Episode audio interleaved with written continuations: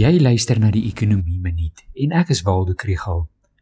Ek praat die laaste tyd baie oor inflasie en hierdie week se groot aanwyser is September maand se produksieprysindekssyfer wat donderdag bekend gemaak word.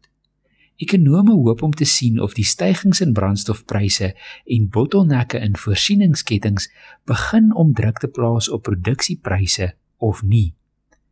Die konsensusvoorspelling is dat produksieprysinflasie onveranderd gaan wees op 7,2%, maar sommiges verwag 'n stygings van tot 7,5%. Dit is veral die druk op voedselpryse wat opgehou word.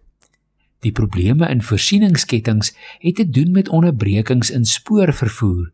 In die mynwese is die klagte dat uitvoer hierdeur teruggehou word. Vandag word die Reserwebank se leidende saaklesiklus aanwyser bekend gemaak en ekonome verwag 'n verbetering wat weer 'n aanduiding kan gee van hoe die ekonomie in die res van die jaar kan groei. Vrydag word syfers oor privaat sektor kredietverlening in September bekend gemaak en ook hier word 'n verbetering verwag.